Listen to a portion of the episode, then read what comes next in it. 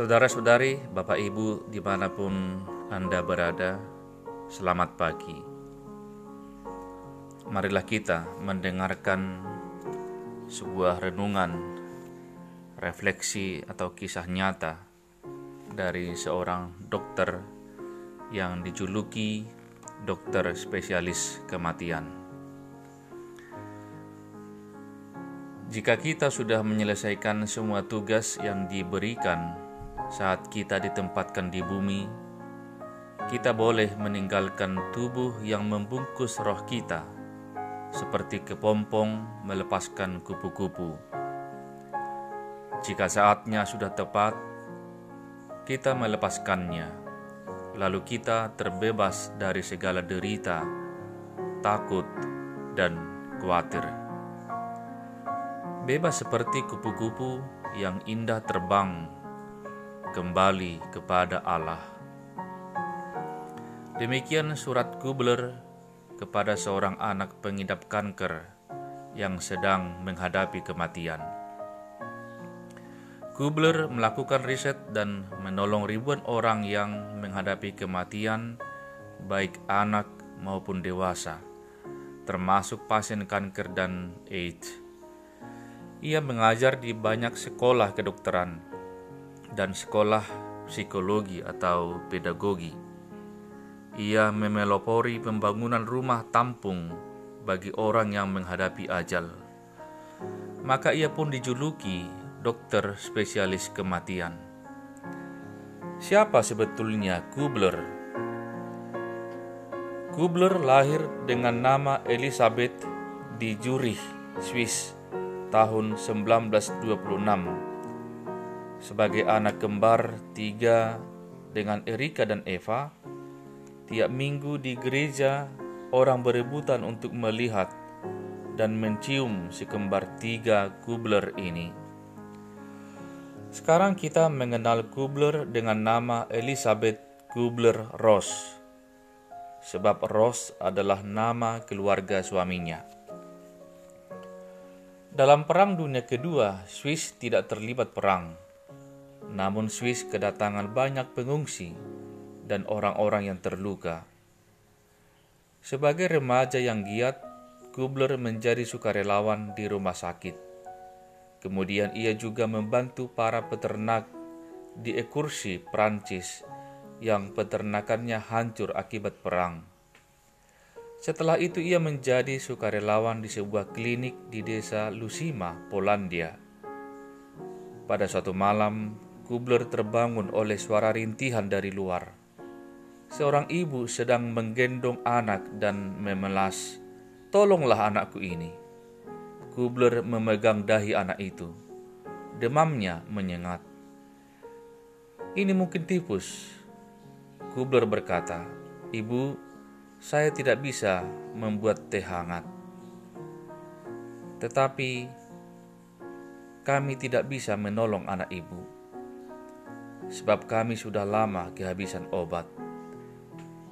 Ibu ini langsung menukas, tetapi Anda harus menolong anak ini.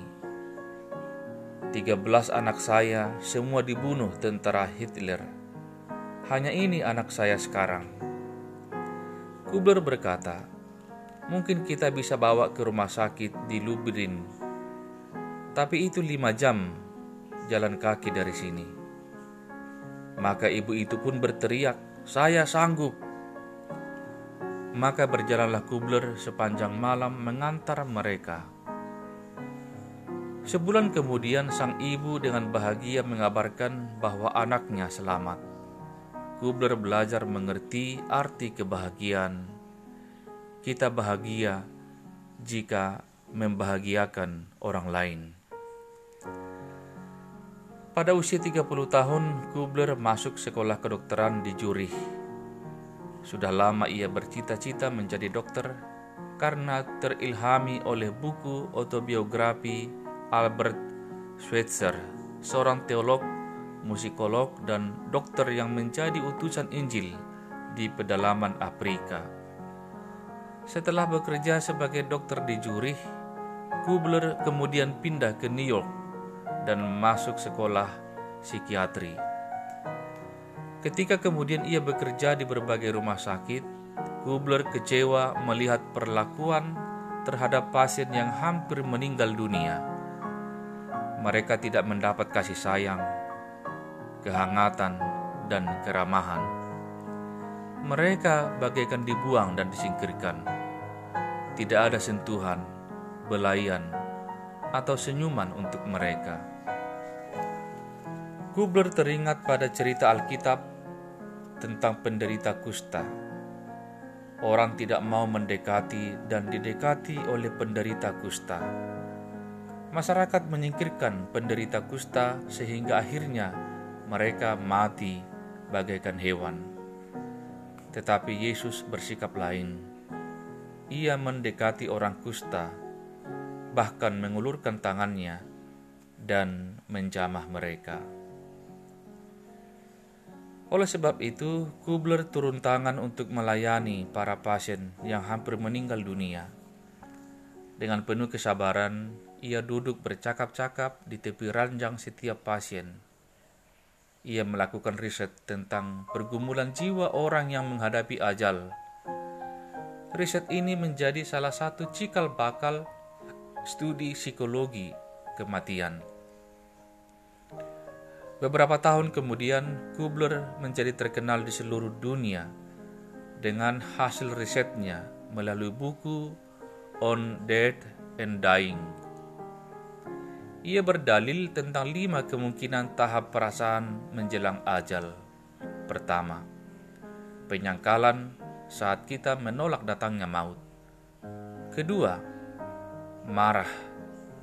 Ketiga, penawaran saat kita berjanji untuk berperilaku lebih baik jika diberi umur panjang.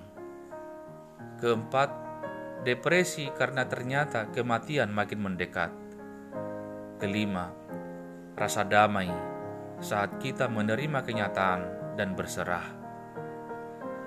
Kelima tahap ini bisa juga terjadi pada keluarga yang kekasihnya baru saja meninggal.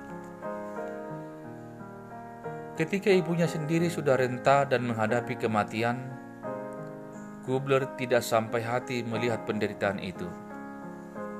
Sering seorang diri ia berlutut di gereja memohon Tuhan memanggil pulang sang ibu. Kubler heran bahwa doanya tidak terkabul. Ibunya bertahan hidup sampai empat tahun lagi.